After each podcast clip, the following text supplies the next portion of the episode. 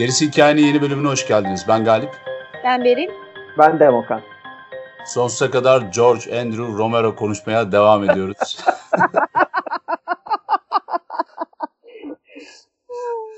Şakası bir yana bu dördüncü bölüm. Romero çok keyifli bir konu. Kendimize de yakın gördüğümüz biri. Ve 8 sezondur da uzak durduğumuz bir konu. Ee, Romero ve Romero'nun işleri. E bunun da sebebini zaten 3 bölümdür anlatıyoruz. Biraz daha anlatacağız gibi görünüyor. Çünkü çok önemli filmleri geldi. 1980'deki filmlerini konuşmaya başlayacağız. Romero bölümleri aslında gerisi hikayenin sahip olduğu anlatı disiplinin biraz dışında gelişiyor gibi görünüyor ama değil. Çünkü biz sadece Romero'yu değil, Romero'nun işlerini, Romero'nun e, dönemler içerisinde özellikle bu 10 yıllık, her 10 yılı içeren dönemler içerisindeki değişimlerini de e, çok ele aldık. Filmlerinin ve filmlerin ifade ettiği şeylerle çok uğraştık. Bir de George e, Romero e, sembolleri çok seven birisi. Özellikle metaforlarını gerçekten bir e, bir art house bir film yapıyormuş gibi ya da bir sanat tiyatrosunun içerisindeymiş gibi kullanan derin bir yönetmen. Yer yer biraz mainstream tadından uzaklaşsa da özellikle 80'lerin sonunda hani birazcık değiştiğini görüyoruz artık. Ee, yine de bizde tartışmayı çekiyor çünkü yani bayağı provokatif olduğu alanlar var. O nedenle bu bölümler biraz uzadı. Bence çok da keyifli oldu. Biz uzun saatler boyunca böyle önemli bir korku sanatçısını ya da sanatçıyı tartışmaya, üzerine kafa yormaya değer buluyoruz.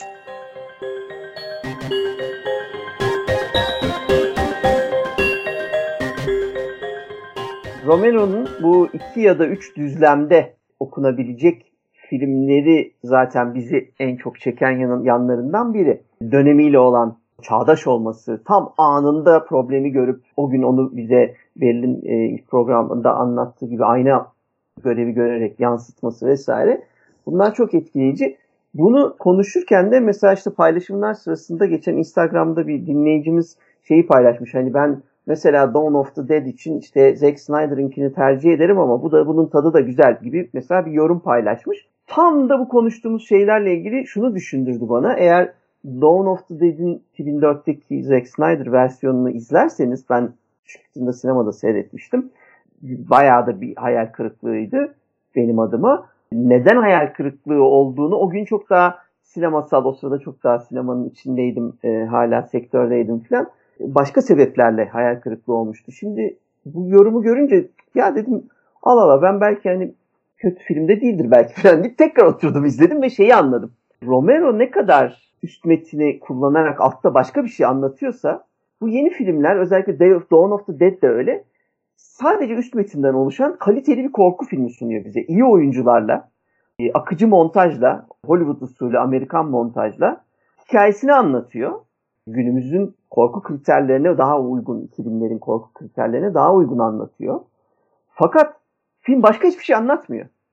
Dawn of the Dead'i izlerken onu fark ettim. Yani yani Romero'yu izlerken bizi işte 3 bölümdür konuştuk. Bu 4. bölümde tekrar konuşmaya devam edeceğimiz o dolu dolu problemlerin hiçbiri şeyde yok. Zack Snyder'da yok zaten. Yani Dawn of the Dead'de alışveriş merkezine Dawn of the Dead olduğu için gidiyorlar. Mesela alışveriş merkezine değil de e, tren istasyonuna kapatsalar kendilerini hiçbir şey değişmeyecek filmde. Tamam mı? Hani o, o detay mesela çok ilginç geldi bana, hoş geldi. Onun farkında değildim ben. Yeni filmi e, izleyip unutmuştum. Çünkü ben e, önemsemediğim, sıkıldığım filmleri unutmak gibi bir huyum var. Benden de o kadar. Ama tekrar izledim yani. Oturdum başından sonra. Kötü film değil. iyi bir film ama 2000'lerin korku kriterinde. Yani e, montajıyla, akışıyla, oyuncularıyla, işte yarattığı heyecanlarla, kaliteli efektleriyle falan böyle göz dolduruyor. Ama işte o kadar. Ya bu remake'lerin çoğunda aynı problem var ama. Yani problem midir yoksa bu olması gereken midir? Yani doğal bir evrim midir?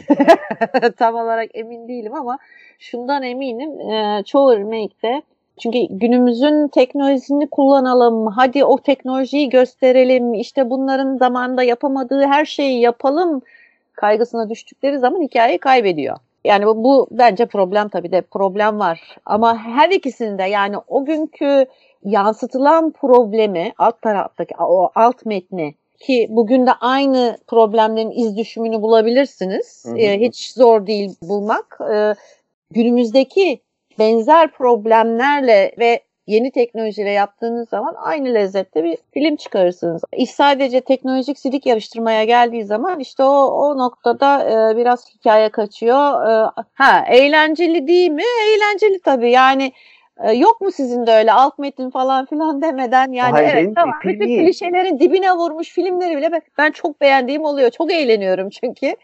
Ama hani sorarsanız bir derinliği bir hani bir bıraktığı bir şey veya ilham verdiği bir şey var mı? Hayır yok. Ama iyi vakit geçirttiriyor. Doğru. Ee, o yüzden Zombiler koşuyordu değil mi onda ya? Koşuyor evet o tabii Koşan 28 gün sonra Evet, 28 gün etkisi. sonrası olduğu için artık o noktada 2000'lerde neredeyse bütün zombiler koşuyor yani Romero'nunkiler hariç. Zaman artık bak şimdi bak nereden gireceğim bak bak çok iyi izle. Buradan böyle feci bir atış yapıyorum şu anda. Zaman artık hızlı akıyor. Vay. Günler çabuk geçiyor. Artık zamanı e, yakalayamıyoruz. O yüzden de zombiler koşmak zorunda. Öyle zombiler ağır şey ağır ağır ilerlerse abicim seyircinin yarısı çıkar. o film bitmez diyorsun. O film bitmez. Öyle avare avare gezmesinler ortada. Yani. Avare avare. Avare mu? yani, Değil, evet. avare- mu? Şey değil yani e, bu Dawn of the Dead için dediğim gibi bence e, o dönemin bütün pek çok filmiyle beraber paylaştığı şey işte e, korkudaki korkunun ne olduğuna dair olan değişen algıyla ilgili o 2000'lerde artık korku filmi korku bizim şey var ya hani ya sizin öyküyü okudum hiç korkmadım ben filan gibi yorumlar görüyoruz ya arkadaşlar. Yani korku kültürünün sadece senin anlık işte böyle korkutup gece uyutmayacak, zıplatacak, hoplatacak neyse bir şey olarak kısıtladığın zaman bakış açısı olarak korkuyu bir malzeme olarak kullanmak ya da işte onunla bir şeyler anlatmak yerine sadece korkut abi beni başka bir şey istemiyorum ben ona geldim mantığının ben şeyde biraz yansımasını görüyorum Dawn of the Dead'in o 2004 versiyonunda. Çünkü orada zombilerin işte koşmasının sebebi olan 28 gün sonraya bakarsanız yine alt metinle zombi filmi çekilebileceğinin güzel bir örneğidir. Yani e, hem çok iyi bir zombi filmi çekebiliriz hem de yine derdimizi zamanla ilgili problemi, e, çağın sıkıntılarını e, orada paylaşabiliriz çünkü. Bir şey eklemek istiyorum. Şunu da e, bu özellikle işte hani hikayeyi okudum işte e, korku yazıyor ama çok korkmadım falan filan hikayesi. Ben tekrar tekrar bunu aslında söylüyoruz ama ben bir kere daha belirtmek istiyorum. Korku kişiye göre görecelidir. Herkesin korktuğu şey farklıdır. Zaten günümüzün işte bu de, demin Galibine Demoka'nın da bahsettiği şey aynı şey. Yani jump scare'e yöneliyor çünkü e, artık kişiye e, hitap edecek şeyi bul, bulacak kadar sabırlı değil endüstri. Evet. O yüzden sürekli jump scare, işte kandı, işte uçuşan organlardı, kafalardı, kollardı, bacaklardı. Halbuki bunu kitapta yapmak tamamen kişiyle yani okurla aranızdaki kuracağınız bağla alakalıdır. Yani ben siz mesela şeftaliden çok korkarsınız. Bir travmanız vardır. Ben tamamen şeftaliyle ilgili bir korku öyküsü yazarım.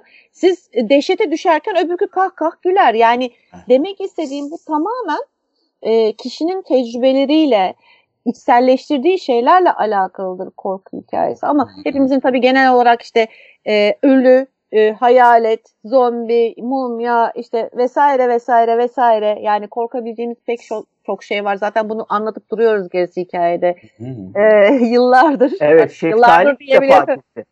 Yok Şeftali ilk yazacağım. ortaya- yazacağım. Bak şimdi aklıma geldi. Evet şeftali yazacağım. Neden korkan, Şeftali. e, rahatsız olan benim bir iki tane Rahatsız arkadaşım olan var. çok vardır da korkma Var var. açısından eğlenceli bir örnekti yani. Ama Öyle- şey zaten yani hiç görmek istemiyorsun, katlanamıyorsun. Yemekhanede falan verdikleri zaman üzerine peçete örterdi çocuklar. Öyle adamlar biliyorum ben. var. bu kadar bu kadar irkilen bir insanın devasa bir şeftali tarafından böyle o tüylü e, şeyiyle e, bedeniyle o kişiyi sarmaladığını düşün. Evet. Böyle fıkır fıkır fıkır fıkır böyle şey Yani yaptı. benim- Böyle Sen ortada yalnız bak ama ismini başka biz bulalım. Ee, mesela Çünkü Hungry, Hungry kıvamında ondan sonra soft porn olarak pazarlamaya çalışalım. evet biraz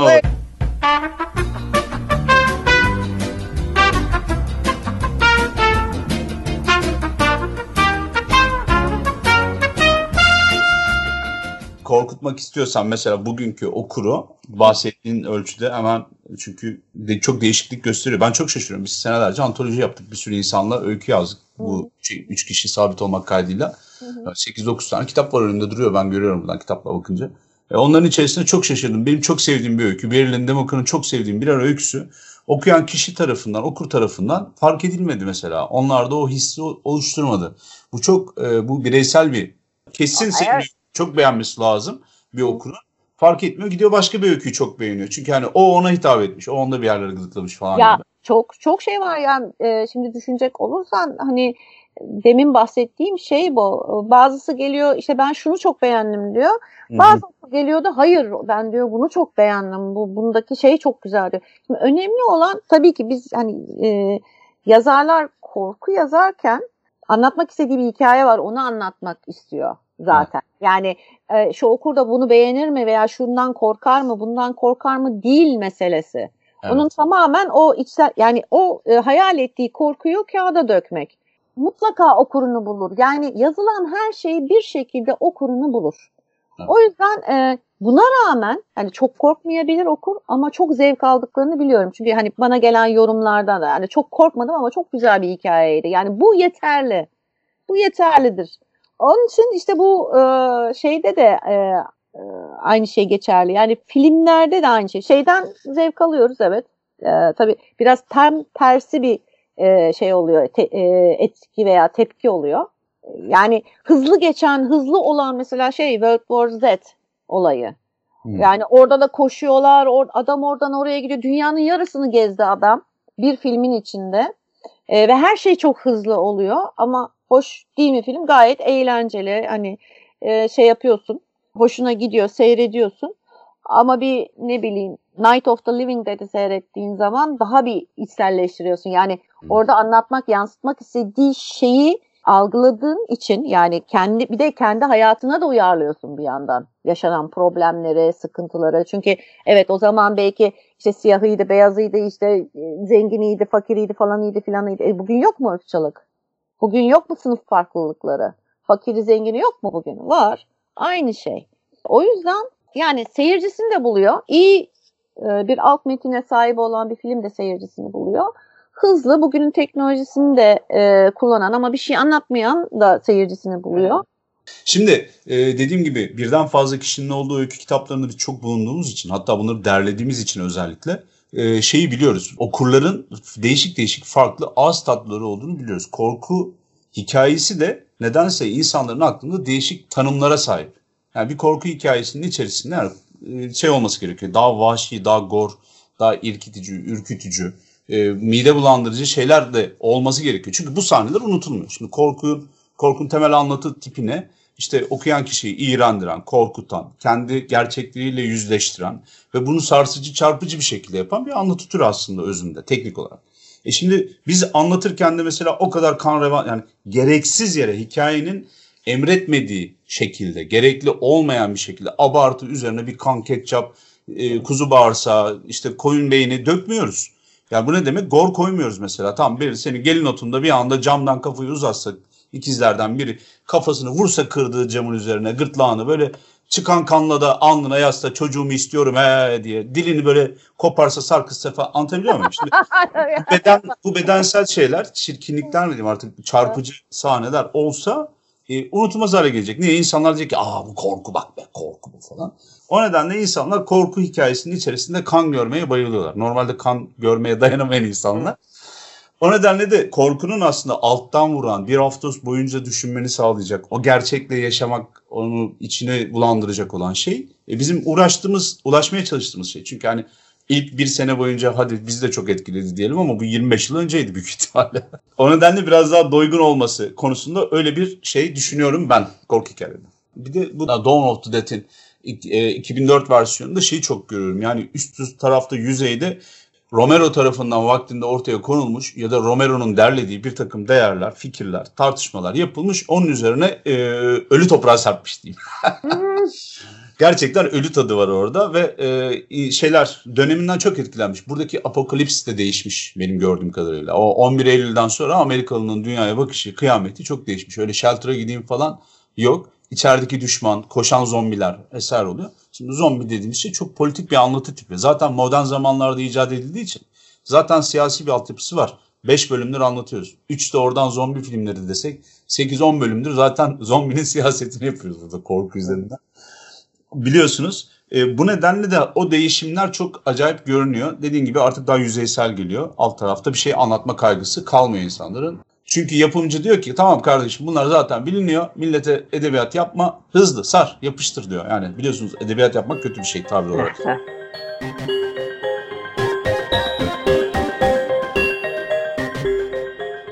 Yani tabii zombi zombi zombi diye diye canım çekti. Ben Kingdom'un gene bir ikinci sezonunu şey yapayım dedim. Üçüncü sezon uzayacak galiba çünkü.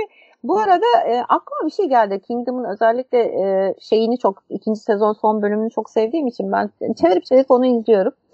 Ondan sonra böyle manyaklıklarım da var. E, aklıma ne geldi biliyor musunuz? Çok enteresan. Yani belki biraz saçma olacak bağlamak ya da belki beni haklı bulacaksınız. Fransız ihtilali geldi. Yani aslında şeylerin, soyluların halktan korkusu geldi. Çünkü bir güruh olarak giriyorlar. Hı hı. Yani artık hiçbir kurtuluş yok. Yani zombiler eşittir. Fransız ihtilalindeki hı hı. halk şeklinde bir e, benzetme. E, doğru doğru. Yani, yani... Bir, çünkü halktan korkuyor. Yani halk aslında halk da halktan korkuyor.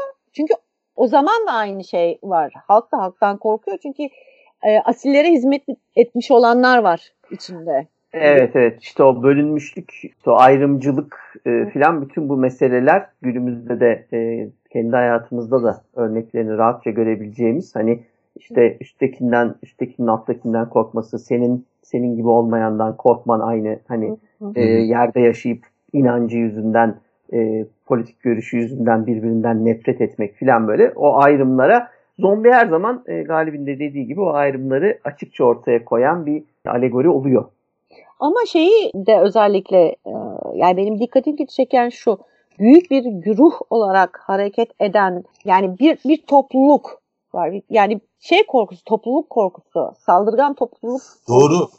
Çok güzel evet. bir çerçeve içine de alıyor aslında. Evet. Şimdi Fransız ihtilali bu zombi hikayesinde anlatıldığı kadar homojen bir tek bir kitle üzerinden dönmüyor. Aslında onun içerisinde birden neydi bu? Piroteknik bilmem ne e, politeknik öğrencileri de var. Yani öğrenciler var ciddi manada. Ondan sonra fakirler var, hapisten çıkanlar var, entelektüeller var. E, aristokratlar da var mesela. Genç aristokratlar da var. İşte Orlean Kontu falan da vardı galiba. Bu nedenle tek bir yapı değil. Ama diğer zombiler geliyorlar. Bu aslında zombi hikayesini de egemen şeyin anlattığını bir yerde gösteriyor. Yani evet, diyor ki, şimdi benim isyan ederlerse böyle öğrencileri hatırladı.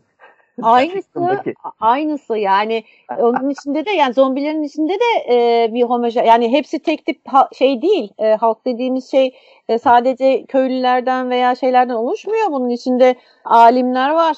Ondan hmm. sonra işte saray eşrafı var. Ondan sonra toprak ağası var şey, vesaire. Yani benim galibin dediği Bak. Zombiye dönüştüğünde tek tipleşiyor ya galibin ha, evet, evet, evet, evet, evet. İhtilale geçiş, geçildiğinde tek tipleşmiyor mesela bu benim söylediklerim. Evet. Orada bir sürü entelektüel var. Hatta bir, bir kısmı yeni kurulacak zombi apokalips bizim tabirimizde.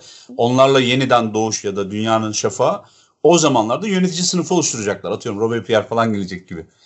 E, ama, ama işin saraya saldırdıkları anda ama saraya saldırdıkları anda tek tipler.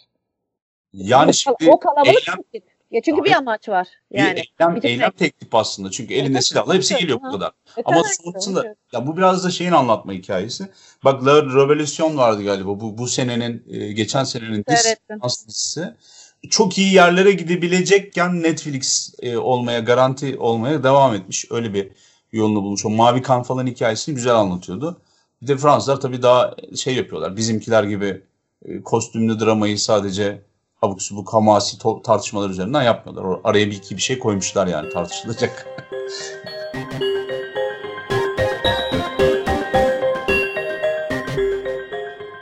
evet şimdi e, bugün konuşmaya girişeceğimiz Day of the Dead 1985 Romero'nun 3.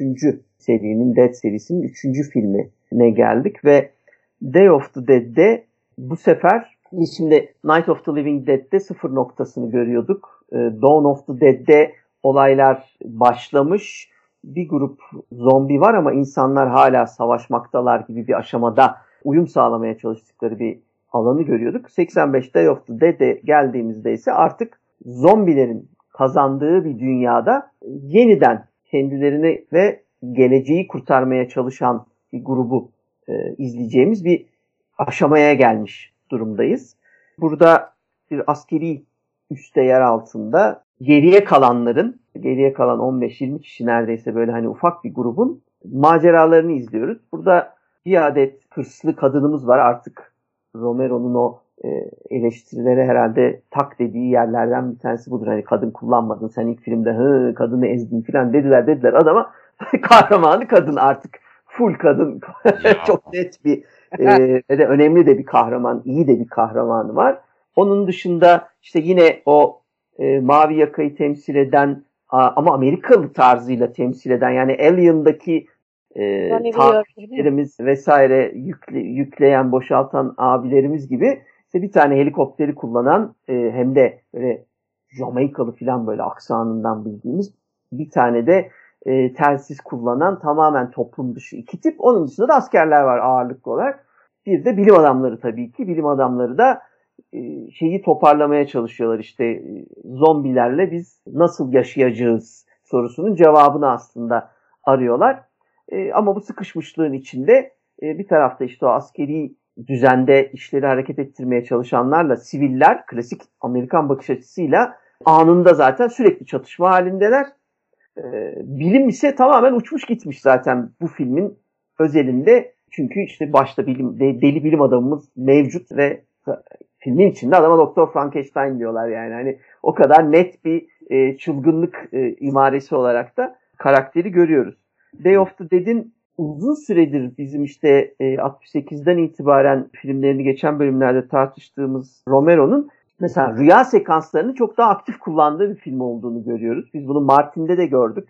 Night Riders'da da gördük bu tarz şeyleri, hareketleri. Fakat burada artık tamamen çok net böyle kabusun gerçekle karıştığı, hangisinin doğru olduğu, hangisinin e, olmadığını bilemediğimiz sahnelerle seyirciyi sürekli diken üstünde tuttuğu bir film seyrediyoruz. Evet. Aslında bu kötü de bir şeye de yol açıyor. İleride e, olur olmaz yerlerde korku filmlerinde hep rüyadan uyanma, rüyadan uyanma, rüyalardan uyanma sekansları yaşıyor. Zaten bir tane Türk korku filminde ben saymıştım. 6 defa falan rüyadan uyanıyordu e, genç kız. Aynı sekansta. Yani bir gün bir rüya gördü. Ondan sonra ertesi gün bir daha uyandı falan değil. Yani peş peşe 3 tane 4 tane yerden uyandı aynı rüyadan. Hepsi de korkunç korkunç. E, tabii çok vurucu, çok etkileyici, çok da karanlık sahneleri olan e, bir film. Bir yandan da tam Romero. George Romero'nun e, en güçlü olduğu belki de son film. Neden dersek çünkü resmen kendi işini yapıyor. Yani çok fazla karıştırtmıyor kendine. Film tabii popüler daha sonradan kendinden çok söz ettiriyor. E, video zamanlarının krallarından, kraliçelerinden bir tanesi. Çok sevilen işlerden bir tanesi. Çünkü çok etkileyici sahneleri de var böyle hani bir sürü korku fanı tarafından da çok beğenilen ve işin içerisinde tam bir George Romero taşlaması da e, var. Yani bunu Romero taşlaması diyelim artık bence. Çünkü orada bir hem ironik anlatı var hem e, tuhaf tuhaf insan ilişkileri var. Bir yandan da dönemini de çok iyi anlatıyor. Zombi birey gibi bir yaklaşım var. Bir tanesi diyor ki onu ilaçla tedavi edeceğiz ya da onun beynini anlamam için işte kesip biçmem lazım. Diğeri de sonucu belirsiz, e, işe yaramayacağı e, yazar ve yönetmen tarafından e, önerilen, söylenen terapi üzerinden ilerlemeye başlıyor. Bir yandan kadın baş karakterimiz Sara Hanım acayip naif. Nasıl böyle bir şey yapabilirlerdi? Hani Kılıçdaroğlu'nun öyle bir şey olabilir mi ya demesi gibi. Ondan sonra öyle bir şerli, öyle bir muhalefetli bir taraf var. Ya öyle bir şey olabilir mi falan deyip duruyor. Karşı taraftakiler silah çekiyorlar bunu oturmazsan şöyle vuracağız, böyle yapacağız.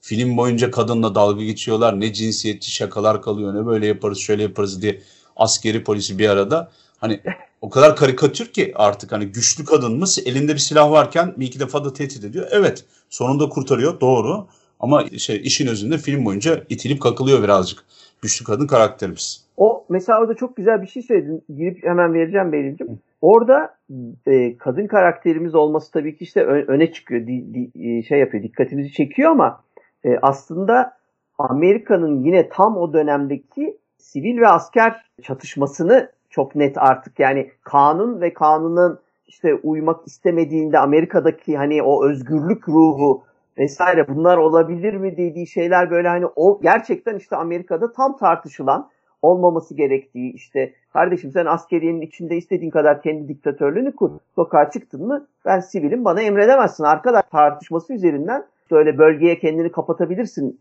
e, bilmem 51. bölge falan ama dışarıda biz şey yaparız. içeriği gözleriz. Onu da yaparız. Bunu da yaparız. Bu topraklarda e, biz özgürüz arkadaş diye bas bas bağıran bir insan da var. Yani kadın olması dediğin gibi tabii meseleyi öne çıkarıyor.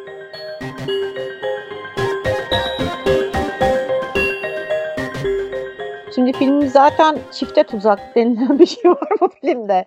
Neden çifte tuzak? Birincisi kapalı bir mekana mahkum olmuşsun.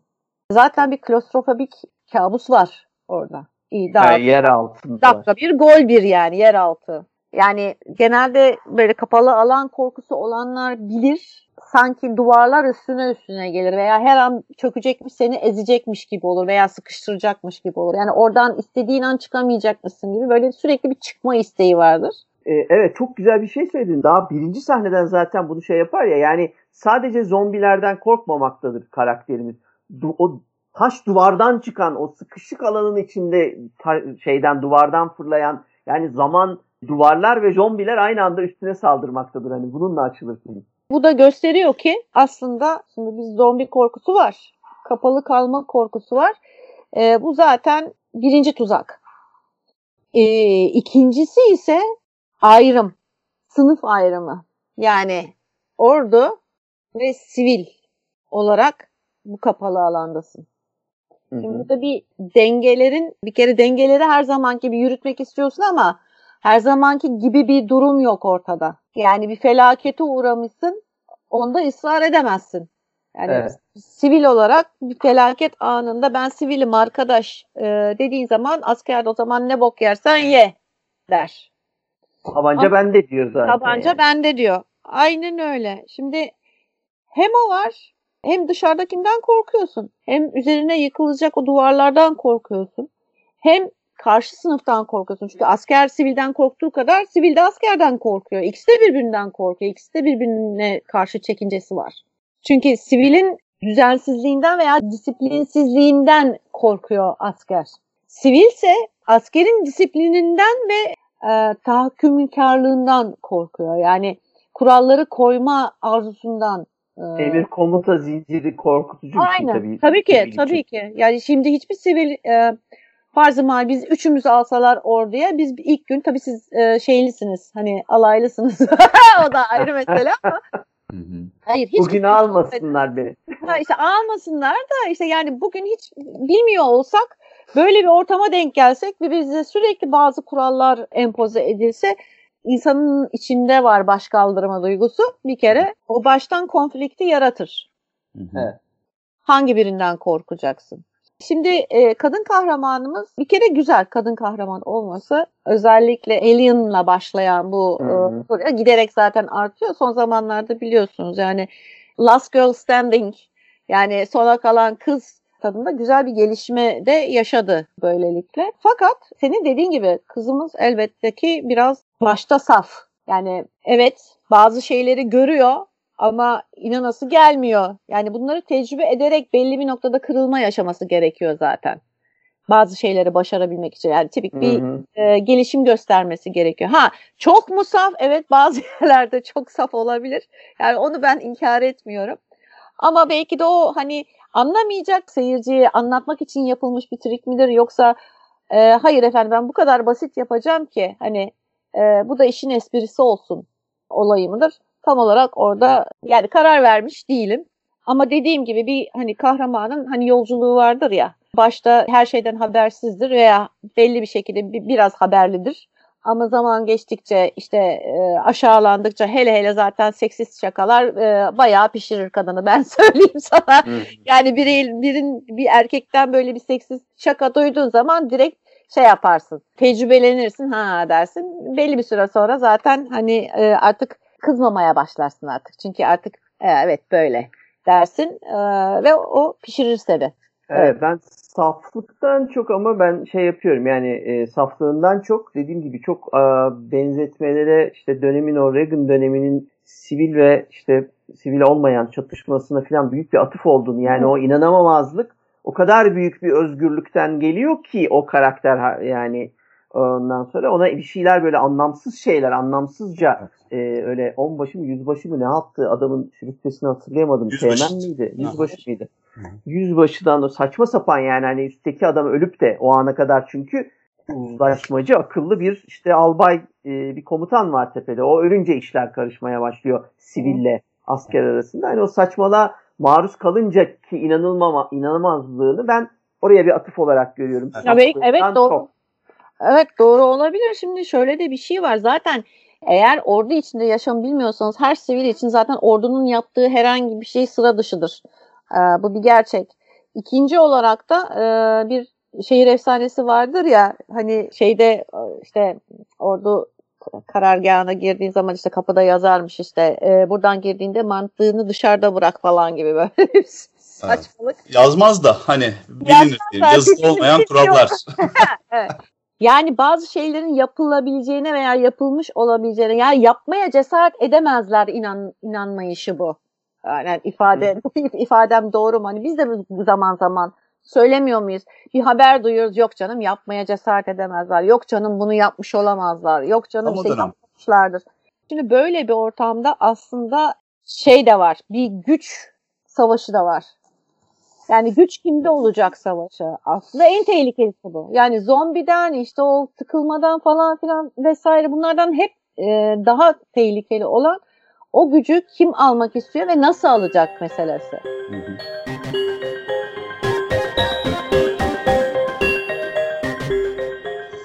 Şimdi e, ben de şöyle bir giriş yapmak isterim. Şimdi bu söylemler bizi e, işte gene provoke ediyor. E, Romero'nun bu anlatı biçimi. Demokrat'ın söylediği doğru. Burada Reagan döneminin başında ortasındayız. Hatta tam hani 81'de galiba geliyordu vuruluyor o arada bilmem ne. Amerika'da ikiye ayrılmış vaziyette ama hani geçen programlarda söylemiştim. Hani çöpler alınmıyor Carter'ından. İşte e, Cowboy Reagan dönemine giriyoruz. İşte Soğuk Savaş yıkacak, Evil Axis falan diye konuşuyor. Sanki Dünya Savaşı'ndaymış gibi falan. Tam e, o arada da paralar tabii e, gizli servislere işte ondan sonra şeylere akıyor. Black Ops'a akıyor. Amerika'da silahlanma çok yükseliyor. İşte yani Amerikan sağcısı el altından acayip destekleniyor. Sanki bir iç savaşa götürür gibi. E Carter döneminde 60'larda falan edilmiş, 70'lerde edilmiş haklar sayesinde hani birazcık daha rahat olan ya da hani öyle bir dünyada yaşamayan bir kesim var. Daha daha liberal bir kesim. Amerika'da o kadar solcu yoktur diye tahmin ediyorum. E bunlar da şaşırıyorlar. Şimdi bir insan haklarına saygılı ya da bu sivil hareket içerisinde bir edinim alma için bir mücadele vermiş herhangi bir kişi elinde silah olan bir askerin başında da bir yerden sonra bir komutan vesaire yoksa kurallara uymayıp tamamen e, çok affedersiniz çükünün gösterdiği doğrultuda her şeyi yapabileceğini, yapmak isteyeceğini de bilir. O nedenle de Sarah Bowman'ın e, naifliği diyeyim, saflık değil o çünkü saf bir insan. Hayatta kalamaz belirli söylediği gibi zombi apokalipste. Böyle davranması aslında biraz sağcı bir görüş. Bak Sarah yüzünden bunlar oldu. Askere karşı. Ama bir yandan da şimdi Romero karışık bir söyledik ya grift böyle birbirinin içine girmiş şeyler var. O da ne? Bütün Dead serisinde bu Ölüler serisinde olduğu gibi burada da şişirilmiş, abartılmış bir devlet imajı var. Diyor ki hani devlet her şeyi düşünür. Devlet işte komploları düzenliyor. Devlet dünyayı yönetiyor. Amerikan devleti şöyleydir, böyle kraldır. Şurada gücü vardır, burada araştırma laboratuvarı falan. Filmin içinde de geçiyor. Araştırma yaparsak New York'ta hala hayatta kalan birileri var. Oraya gideriz. Ya da işte Pentagon'a sıçrarız falan. Belli ki bir askeri üste kapanırsak bize daha karada ölüm yok falan gibi düşünüyorlar. Ama şimdi Romero diyor ki bu çok boş bir e, şey görüntü. Evet. Ve hani bizde de bu serinin diyeyim Romero serisinin başında da hamasi filmlerden, dizilerden falan da bahsetmiştik biraz. İşte hani o dizilerin yaratmış olduğu bir kurgu bir devlet fikri var. Şimdi devlet dediğiniz şey aslında göze sokulduğu kadar büyük ya da kusursuz bir organizma değil. Aslında devlet bir onu oluşturan, iki onu yöneten mekanizmaların kalitesi kadar kaliteli ya da güçlü. Şimdi buradaki adamlara bakıyoruz. eline silah aldığı zaman e, kendini bir şey zanneden bir kaptan var. Beni dinleyeceksiniz diyor. Orada yani bir iktidar kurmaya çalışıyor. Evet. Bir daha bir şey böyle bir şeye ihtiyaç duyan bir tane şey var. Bir e, kaptan var. Bu adam dünyanın başından beri savaşmış ya da orduda bulunmuş bütün yüzbaşıları ifade etmiyor. Ama böyle bir herif var. Hı hı. Anlatabiliyor muyum? Yani Romero'nun karakteri böyle bir herif. İşte bu mesela şey yapıyor. Nedir? Bu, bu hıyarın teki olduğu için ortalığı karıştırıyor ve o güne kadar atıyorum 8 aydır or- oradaysalar 3 haftada ya da 2 haftada bütün organizasyonun içine ediyor. Yani kaçanlar, idam edilenler, vurulanlar, ölülere kötüler yani bayağı bir böyle haramzede ya da miras yedi gibi har vurup harlam savuruyor. Oradaki barışı, huzuru ya da kurtulma şeyine. Çünkü hani Logan diye bir herif var araştırma yapıyor belki kurtaracak ama o da zaten tam bir Romero şeyi e, doktoru bilim adamı. Romero biliyorsunuz bilim adamlarından bir şekilde korkuyor 50'ler çocuğu olduğu için. Herkes onun gözünde evil doktor böyle hani. Çünkü insan deneyleri yapıyor. Zaten hani o yakınlarda bir de reanimatör çekilmiş. O yüzden e, parçalanan bedenler yani Lovecraft'la e, Shelley'i birleştirmişler. Yeni bir şey ortaya çıkmış. Zombiye yaklaşan bilim adamı tipi ortaya çıkmış. Onun da bir etkisi var. Neyse bir de bunlar olurken mesela Romero bu devlet imajını bir daha yıkıyor mesela. Diyor ki hani tamam e, bizim oradaki neydi Tenet miydi herifin adı ya? Yüzbaşımız Henry Rhodes, Kaptan Henry Rhodes. Yüzbaşı hıyar olabilir ama devlet o kadar kötü değildir diye belki hani içinde bir gıdım bir daha bir güven bir düşünce varsa onu da bizim kaptan pilotumuz şeydi galiba değil mi? John Flyboy. Ee, kendisi Haitili olmalı. Ya da işte Jamaikalı. Pardon Jamaikalı. Jamaika galiba. O diyor ki ben diyor bu sığınakta diyor devletin bütün gizli bilgilerini buldum diyor. Her şeyi de okudum diyor. E bir bok yokmuş diyor. Her tarafta para dolu. Yani aslında devlet denilen organizmanın e, bu özellikle 80'lerde yaratılan fikrin tamamı kağıttan kaplan olduğunu, böyle karton arkasında çıtayla durduğunu, ön tarafta devlet görünüyor ama bir şekilde anlatıyor Romero. Ama bu da tuhaf bir şekilde bir arkadaki şeyi de e, daha karikatürize bir devlet yapısı da olsa sağcı da görünüyor. O yüzden kızıyorsunuz mesela. Nasıl böyle davranırlar birbirlerine falan diye.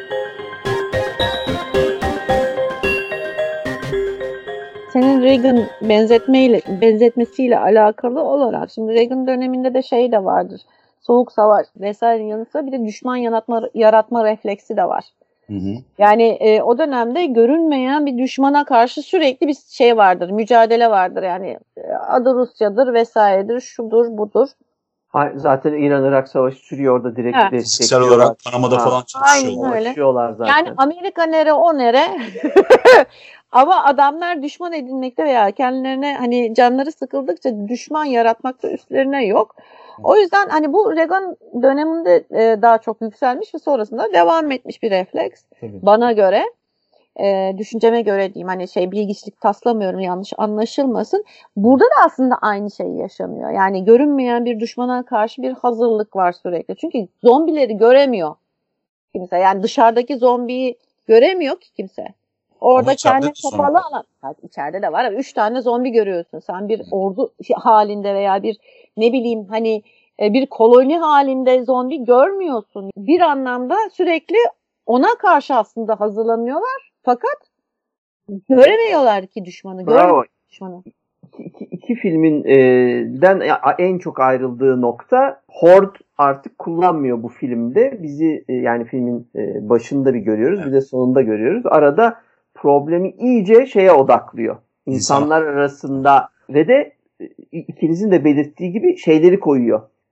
Eksisleri koyuyor. O açıları yani hani işte burada e, devlet yapısı ya da işte askeri bir yapı var. Burada bilim adamları diye bir yapı var. Burada da özgür e, insanlar gibi bir siviller gibi bir şey koyuyor. Üçgen kuruyor. Onların arasında Evet. e, ağırlıklı olarak çatışmayı sürdürüyor. O çatışmanın sonucunu belirleyecek olan yine tabii ki hem sebebi hem de sonucunu belirleyecek olan yine zombiler oluyor. Evet. Şimdi önüne geçilmez bir şekilde zombi var. Filmin sonunda Hord'u görüyoruz. Hord'un tillanı görüyoruz. Çünkü uzun uzun böyle bir de ankat falan denk geldiyse 15 dakika boyunca zombiler devamlı bir şeyleri arıyorlar, birilerini buluyorlar. Daha yeni ölmüş e, şeyleri, ölüleri afiyetle yiyorlar, sindiriyorlar. O bağırsaklar falan havada uçuşuyor bayağı. Yani Romero'nun büyük ihtimalle İtalyanlarla e, uzun zaman vakit geçirmesinin de etkisiyle Zombi 2 olarak hani İtalya'da çok sevilmesi filminin falan. Bunun şeyleri var, etkileri var. Savini de daha çok öğrendi. Teknoloji de gelişti. Tabii. Daha çok Ya. göstermek istiyorlar. O şovu yapmak istiyorlar.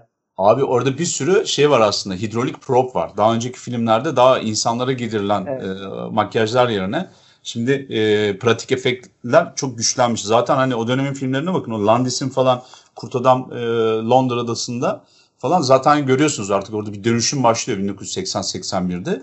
Proplar uçmuş gitmiş, Predator'lar yapılıyor, öbür taraftan Terminator'lar var falan. Hem şeyli pneumatik hem de işte e, bu hidrolik bir sürü robot tipi kukla yapılıyor. Onları da kullanıyorlar. O Kaptanın ölme sahnesi mesela. Adamın kafası Evet. dururken vücudunu yiyorlar o sahnede tek shot. Dönüşüm sahnesi de şahanedir onda. Hala o kadar iyi dönüşüm sahnesi yapabilen var mı? Emin, emin değilim. Yani vardır muhakkak da şey açısından var. Yani teknoloji geliştikten sonra vardır da o teknolojiyle yapabilen. Şimdi bir iki tane şey gördüm ben hemen onu da söyleyeceğim. Bu ne demek? Biraz önce uzun uzun anlattığım hadise. Şimdi eski bildiğimiz dünyaya ait olan bizlerin de bildiği aynı dünyayı paylaştığımız şeyde Romero'nun dünyasında aslında bunların hepsi geride kalmış. Bu ne demek? Paranın kıymeti yok. Şan şöhretin kıymeti yok. Kurumların ya da artık aramızda olmayan insanların size vermiş olduğu rütbeler, şunlar bunlar, ünvanlar bunlar tamamen anlamsızlaşmış ve bayağı bir şeffaflaşmış bir insan tipi var. Yani bu ne demek? Tüfeği mermiyi elinde tutan çünkü sadece tüfeği tutmak da işe yaramıyor biliyorsunuz. Rhodes'u Bob en sonunda elindeki tabancayla çat diye bacağından vuruyordu mermi olmadığı için. Gücü ele, öldürme gücünü elinde tutan, en ciddi gücü elinde tutan da orada kuralı koyuyor. Şimdi biz bunun içerisinde ama bir iki bir şey daha görüyoruz. İnce ince işlemiş Romero tamam mı? Walkman'in içerisinden klasik müzik dinlettiriyor Allah'ın yeni ölüsüne. Baba mesela. Ondan sonra yeni ölmüş bir şeyi, e, oranın yöneticisi olan adamı, yani sabah kahvaltısında toplantıya girdiği adamı öğleden sonra masaya yatırıp elektrikle deney yapıyor. Yüzü parçalanmış, kesilmiş falan. Her tarafta hacamat. Kendi kendine konuşan şizofren bir adam var. Bilim adı altında hem de vahşilikler yapıyor. Ama bilim sadece ondan ibaret değil. Çünkü Doktor Sarah Bowman da var. Evet. O da inanmıyor buna da. Diyor ki ya klinik deneyler no böyle olmamalı bıdı bıdı. Tartışıyorlar. Ve bütün hepsinde şunu görüyorum. Oyuncuların hepsi neredeyse TV oyuncusu. Soap operadan çıkma başrol Lori. işte neydi Cold mıydı? Lori Cardall. Şunu görüyorum aslında. Burada e, gerçekten onu aslında biz öldürdük diye biten bir tiyatro oyunu gibi bir hava var aslında tamam mı? Yani o bildik, inandık ya da işte serim düğüm çözümle çok fazla ilerlemeyen, mesajını çok tatlıca veren, hiçbir şeyde umursamayan bir e, yapı, bir anlatı görüyoruz. Bu yer yer belki de çok bizi ikna etmediği için sonlara doğru bir olaydan daha çok tartışmaları yöneldiği için, tartışmaları göstermeye çabaladığı için şeyi kaybediyor. E, ne ciddiyetini kaybediyor ya da inandırıcılığını. Ama öbür taraftan da öyle muazzam, böyle görgüsüzce yapılmış son var ki yani ve şeyi konuda ikna ediyor seni. O ana kadar zombiler orada aparatif kenarda duran figüran iken en sonunda diyorsun ki abi bunlar boşuna tartışıyormuş. İki günlük dünyada hakikaten de o kadar sürüyor çünkü iki gün filmin tamamının geçtiği süre. Dışarıda zombi diye bir tehlike varmış ve zombileri de yalandan bir tane çit tutuyormuş. Bir omuz Evet. verin kardeşler dese bir omuz vursalar sonraki filmlerde öyle akıllı herifler de var. İş karışacak. Zaten Bob akıllanmaya başlamış ve yeni bir zombi fikri de var. Ama bu daha çok bir kumpanya gibi ilerliyor. Night Riders'ta söyledik ya oradaki hikaye de bir aslında bir kumpanya kafasında anlatılıyordu diye. Burada da ben Day of the Dead'de en son bunu görüyorum. Geri kalan ileriki filmlerinde çok fazla bu serbestliğe sahip değil George Romero. Ben burada bir şey eklemek istiyorum. Filmin geneline baktığınız zaman siz de e, bir şey görmüyor musunuz? Aslında filmin ana teması etik. Yani her şey her, her şey her anlamda etik. Yani Tabii. e, insan zombi arası etik, işte bilim adamı ordu arası etik, sivil asker arası etik. Ondan sonra efendim işte araştırma etiği, yok işte yaşam etiği falan filan vesaire. Tamamen etikle alakalı. Yani Doğru. sınırlar ve o sınırların nasıl geçildiği veya geçilip geçilmemesi gerektiği aslında. Ee, Doğru. evet. Hemen bir tane şey ekleyebilir miyim? Bu Reagan dönemi dedik benim notun arasında vardı o yüzden şey yapmadım. Birkaç tane ayrı ayrı makale var. 81'de Kübalıların e, Amerika'ya girişindeki suç oranının artmasını mesela Reagan döneminde gene tartışmışlar. İlk çıkan maddelerden biri göçmenlere karşı Trump'ın da daha sonra uyguladığı bir yasa tipi. Ondan sonra oradan bir bakıyorsun Hispanikler kötü. Asker askere davranışlarında Hispanik bir tane Miguel var mesela. Hı hı. Ona kötü davranıyorlar. Ona suçlu muamelesi yapıyorlar. Ezik ikinci sınıf insan. Speak diyorlar zaten Hispanik'in şeyi kısaltması. Adam Tahiti'li mesela ama Flyboy uç şeyi, helikopteri kullanacak. İşlevsel olarak bakıyorlar. Öbür türlü alt insan onun gözünde. E zaten kadın üçüncü sırada falan. Ondan sonra hep bunların hepsi tartışmalar. Tam o dönemin tartışmaları abi. Evet. Ve burada da görüyoruz Romero da zaten diyor ki aa bak bunlar tartışılıyordu böyle olsa ne olurmuş. Hadi bakalım falan diyor. Evet ve de işte her zamanki gibi şeyi koyuyor. Yani duvara sıkışan insandır zaten yani bütün mesele kardeş. Hani bütün medeniyetiniz sırtınız duvara sıkışana kadardır diyor. Filmlerin çoğu hep bunu söylüyor zaten. Yani vücudunuzu, benliğinizi, kişiliğinizi bir şey sanıyorsunuz. Ama ama siz hani e, kumsaldaki bir kum tanesi bile hani değilsiniz. O kadar bile değilsiniz. Tek yapacağım hani sizi sıkıştıracağım. Ne yeterince sıkıştırırsan ne ahlak kalır ne bir şey kalır. Kendini kurtarmak için herkes her şeyi yaparı bir yandan gösteriyor bize. Ve de bunu işte şeyle çeşitlendirerek demin konuştuğumuz farklı e, güç odaklarının arasındaki ilişkilerle gösteriyor. Ha yine en eğlenceli, yine kurtulacak olan ve gücü bir şekilde eline alacak olan, akıllı olan yine siviller oluyor. İşe karışmak istemeyen ama siviller nasıl siviller? Yani işte bu çok önemli. Yani o Amerikalılıklarını kaybetmemeleri çok ilginç. Bizde anlatılamayacak bir şekilde o dönem için en azından anlatılmayacak bir şekilde ya da anlatıyor olması önemli. Teknik olarak etkili. İşte biri helikopter kullanıyor, öbürü telsiz kullanıyor. Bir tanesi doktor. Hepsi mükemmele yakın silah kullanıyor. Silahları var. Kişisel silahlanmanın yanındalar. Yani bunlar alt metin filan değil artık. Dışarıda zombiler var diye silah kullanmayı öğrenmiş tipler değil bunlar. Yani belki Doktor Sera öyledir en fazla ama diğerlerinin gücü sadece helikopteri kullanıyor olması bir güç ama aynı zamanda makinalı tüfeği de tutabiliyor. Yani Uzisi askerlerle var, kapışabiliyor. Adamın kendi evet. dünyasını yaratmış. Toplumun yine dışına kendini atmış zaten biliyorsunuz o yer altında karavan karavanın arka tarafına bahçe yapmışlar. İşte e, ağaçlar mobilyaları koymuşlar. Ha, mobilyalar fon, fon resmi koymuşlar. Arkada e, deniz var, ağaçlar var vesaire. Kendi dünyalarında e, yaşıyorlar tamamen. Yani bak toplumun dışındalar bir, aşağıda yaratılmış o toplumun da dışındalar. Toplumun dışındakinin toplumun da dışındalar. Çok acayip söyleyemedim. Evet, evet. Öyle bir durumu olan adamlar kim en son zaten yine onlar kurtulacaklar. Çünkü askerler işte körü körüne emirleri dinleyen tipler oldukları için hiçbir zaman kurtulamazlar. İşte bu Sorgulamadıkları Bilim adamı her zaman e, çılgın bilim adamı sınırında gezdiği için e, cezalandırılacaktır bir şekilde yani o çılgınlığının cezasını bir şekilde görecektir. İşte burada her, bütün bilim adamları şeylerine subjelerine fazla yaklaştıkları için e, onlara güvendikleri için vesaire hani e, paralanıyorlar doğal olarak zombiyle bu kadar muhatap olursan sonunda ısırılmaya razı ol diyorsun. Yani ısırılacağım, parçalanacağım. Evet. E, bir şeyler olacak. Ha bizim bilim adamımızın bütün bu çılgınlığından ortaya çıkan e, bu filmin bir sonraki aşamaya taşıdığı demin adını adı geçen Bob figürü. Bu Bob Bob Bob neyse işte B U B diye yazdıkları benim okumam zor onu. Bob değil çünkü yani Amerikalı Robert'tan gelmemiş bizimki. E, Bob gibi bir karakterimiz var. Orada bir kere bir bu tarz filmlerde çok göremediğimiz ihtiyaçta duyduğumuz iyi oyunculuk bir kere var. Yani o makyajın altında o bütün vücuduyla e, bence iyi bir filme fazla gelen bir oyunculuğuyla ayrıca öne çıkıyor Bob. Onun dışında Galip'in söylediği gibi eğitim alıyor olması. Yani biz şimdi şeyde ne gördük? E, Night of the Living Dead'de daha dakika birde ne gördük? Böyle delirmiş gibi daha zombinin zombi olduğunu bilmediğimiz zaman ilk saldıran zombiden itibaren delirmiş gibi böyle ağır yürüyen ama saldırdığında sert hızlanabilen yakın mesafede kapıyı açmaya çalışan taşı alıp camı kıran vesaire böyle bir eski alışkanlıklarını sürdürebilen, alet kullanabilen bir zombi gördük. İkinci filmde ne gördük? Kendi kendine biraz akıllanmış, işte kapı açabilen, e, merdiven çıkabilen e, ya da işte hatırladığı için alışveriş merkezindeki duygularını orada olmak isteyen, e, hala beynin böyle birkaç elektrik nöronun böyle hareket ettiği bir zombiler gördük. Şimdi ama bilimin müdahalesiyle zorla işte karşılığında insan eti vererek filmin hani sürprizli noktalarından biri eğitmen gibi hani ceza değil de ödülle şey yaparak ilerleterek. E, dönemin yeni şeyleri özellikle Walkman yepyeni mesela işte hani Walkman'i kulağına takıp ama e, galiba yani Cure dinletmiyor dediği gibi e, Beethoven dinleterek böyle o dönemin yüksek sanatına da atıf evet. yapıyor.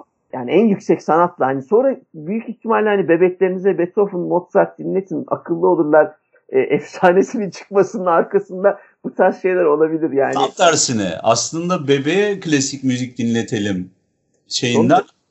Hayır ondan sonra bu film çekilmiş o. Ondan etkilenmiş Ha, o. o, o daha eski diyorsun. Yalnız ben bir şey- tam onları dönemde zannediyordum olabilir. Sonra işler tabii ineğe de dinletine kadar devam etti.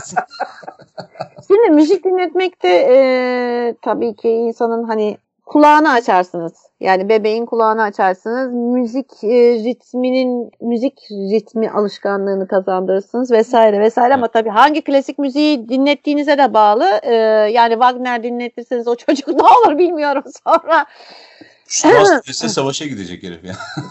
Atabina çabuk falan. Yani neyse e, demem o ki. Şimdi şu, şu da güzel bir nokta. Mesela bunu da belirtmek lazım. Sonradan biz buradaki işte üzerinde çalışılan veya işte tekrar dönüştürülebilirler mi, akıllandırılabilirler mi, insan tekrar insan olabilirler mi e, sorusu buradaki.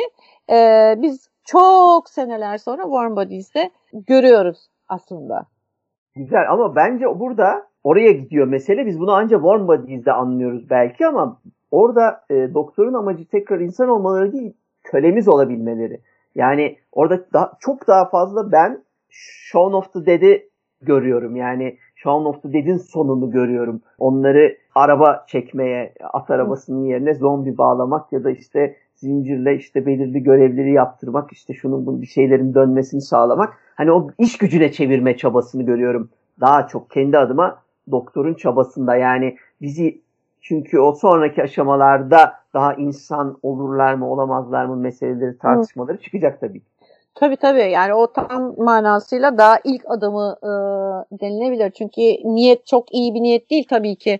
Hani ay bunlar da tekrar şey olsun, tekrar insan olsunlar değil mesela. Yani e, bir kurtuluşları- yani iyileşme. Aynen tabii tabii tabii canım ama yani sonuç olarak e, şeye ilham veriyor. Daha sonraki işte Warm Bodies, Warm Bodies'de verdiği ilhamla görüyoruz. E, bir de şu var. E, burada burada e, zombilere bakış açısı bir köle yahut vahşi bir hayvanı evcilleştirebilme şeyi, arzusu.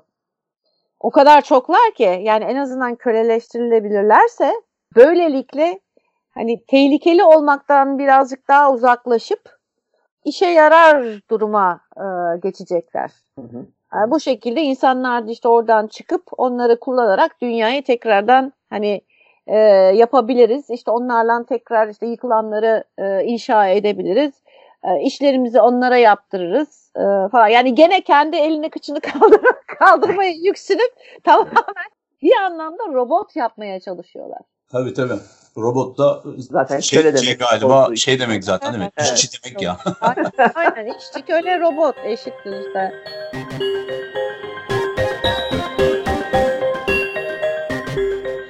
Biri çok güzel bir yere geldi. Demokan biraz önce pası verirken ben de gördüm onu. O da şu. Bu doktor bana sorarsanız doktordan çok seri katille girişimci arasında bir adam. Kadar elden işler tutuyor bu kadar. Çünkü neden dersiniz? Ed Gein gibi ölüler e, şey olacak, telef olacak gidecek bu ceset parçaları diye alıp alıp evine getiren bir adamdan bahsediyoruz. Gerçekten Ed Gein ya 1950'lerin başındaki Evet. o şey neydi PK bilmem ne canavarı olarak da bilinen bu Psycho'yu Mayko'yu başlatan seri katil gibi bir herif bu.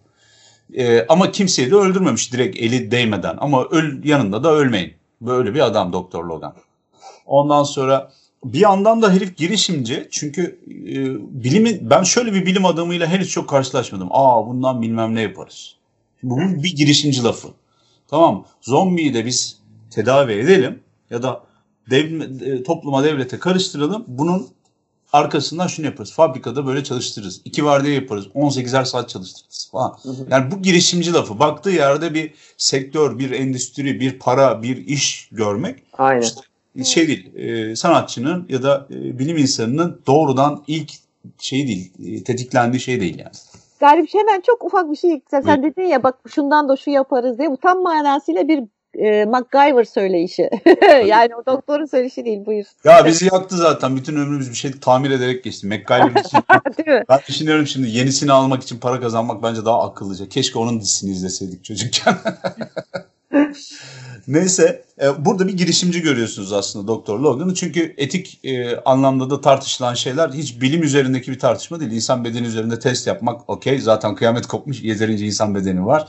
Ama bir yandan da hani insan eti vereyim, e, insan etiyle ödüllendireyim, bu sayede bunu yapayım falan. Orada bir function, bir işlev görmek işin içine giriyor ve bunun bilimsel olarak üzerinde tartışılmaya açık bir tarafı yok. Bu tamamen işlev.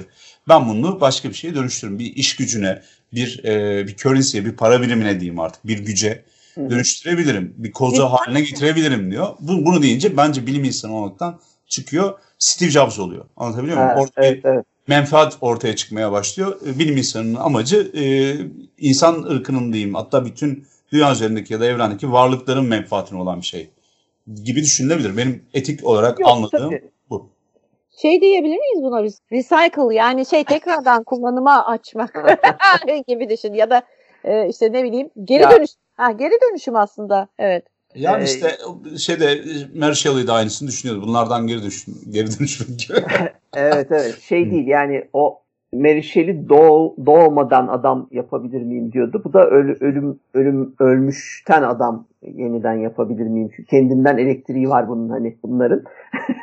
o şeye gerek yok hani ekstra elektriğe.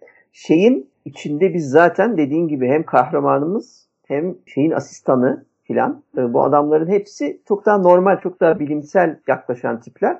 Doktor Frankenstein gerçekten bilim adamı gibi değil. Başka bir manyaklık düzeyinde. Yaptığı tek şey de belki kendi kendine daha uzun sürede oluşacak olan o akıllı zombiye bir ivme kazandırmak. Bunun sonucunda kendi yani bunun sonucunda sadece zararı gördüğümüz kadarıyla ka- şey görüyor, yüzbaşı görüyor onu yani akıllı e, oluşmuş zombi maalesef tek başına kalıyor bu film için. E, tek başına kaldığı için de tamam belki işte takılacak belki gelecekte yani oradan çıkmayı becerebilirse ne olur bilemeyiz ama biz onları bilmiyoruz. Biz uzun süredir Romero'nun uğraştığı birinci filmde çok kötü bir son var. Umutsuz. Kahramanımızın ölümüyle bitiyor.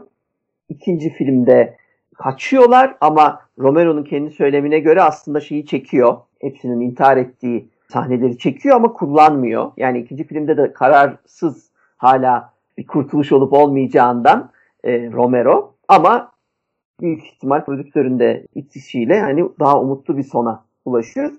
Bu sefer artık Day of Dead'de yani tartışmalı da olsa tamamen mutlu sona. Yani üç karakterimiz bütün herkes geberdikten sonra helikopterle kaçmayı başarıp tropikal bir adada bir kadın iki adam yani bu, bu, bu, bu ne kadar güzel bir hayal onu bilmiyoruz ama Aa, o dönemin Amerikalısının doğrudan hayali bu. Çalışan Evet. orta sınıfı. Ha. Ne yapıyorsun? Hawaii'ye gideriz, Florida'ya gideriz. Oluyorlar Türkiye'de de yani. öyleydi ya, denizlere gideceğiz. Tabii, Evet, emekli oluyorlar yani. yudumlarız.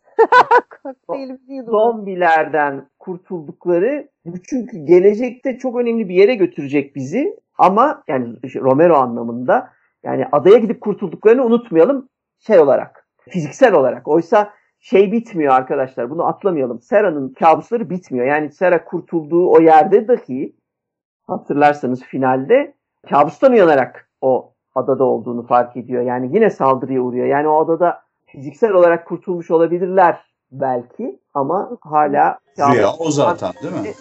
bize unutturmuyor Romero.